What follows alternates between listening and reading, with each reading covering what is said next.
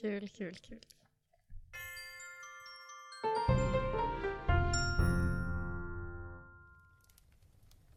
Välkomna till eh, den 14 december. Eh, ingen speciell dag mer än att det är en dag mindre till jul, man skulle kunna säga. Ja. Shit vad det bara alla Fulkulturlyssnare som fyller år den 14 december. Grattis till alla er, det är en väldigt speciell dag för er. Men rent så här julkalendermässigt så är det väl ingen speciell dag. Det liksom kommer efter Lucia. ja, för att vara december så är det en väldigt alldaglig december. det ska mm, det är det. Mm. Inte för att det finns några alldagliga decemberdagar, men relativt.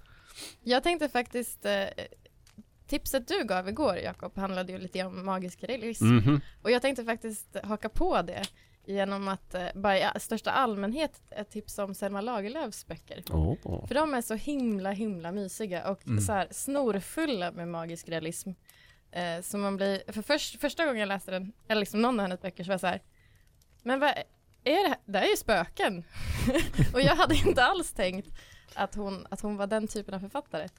Eh, men jag tycker hon är så himla, det är väldigt, kanske inte juligt per se, men det är väldigt julig känsla.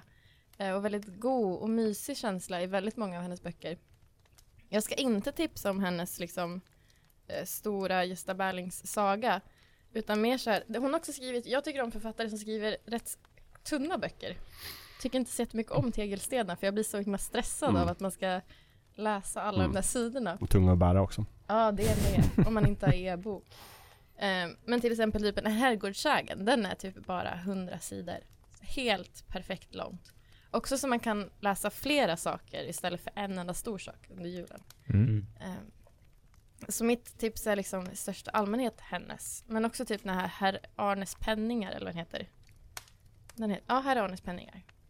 Också väldigt bra. Och typ eh, Kejsaren från Portugalien. Väldigt, väldigt fin. Mm. Också en av de bästa titlarna på bara någonting Ja. överlag. Mm. Ja, Mm. och den är liksom, ja, det, det är alla känslor med. Ja. Ja, liksom de flesta av hennes böcker. Mm. Det var ju Portugalien som omvände mig från Mm. vem, Hatar eh. Selma Lagerlöf, är inte det hon med Nils Holgersson? Till Selma Lagerlöf, Mm. Sveriges bästa författare. Eller hur? Ja. Den är verkligen jättefin. Och Ja. så hjärt, ja, mycket fina Och känslor. rolig! Ja, de är roliga också. De är väldigt, eh, de är liksom lättsamt skrivna på något sätt. Fast de, är, de håller väldigt hög kvalitet. Det är en Mm. så otrolig egenskap att kunna skriva så.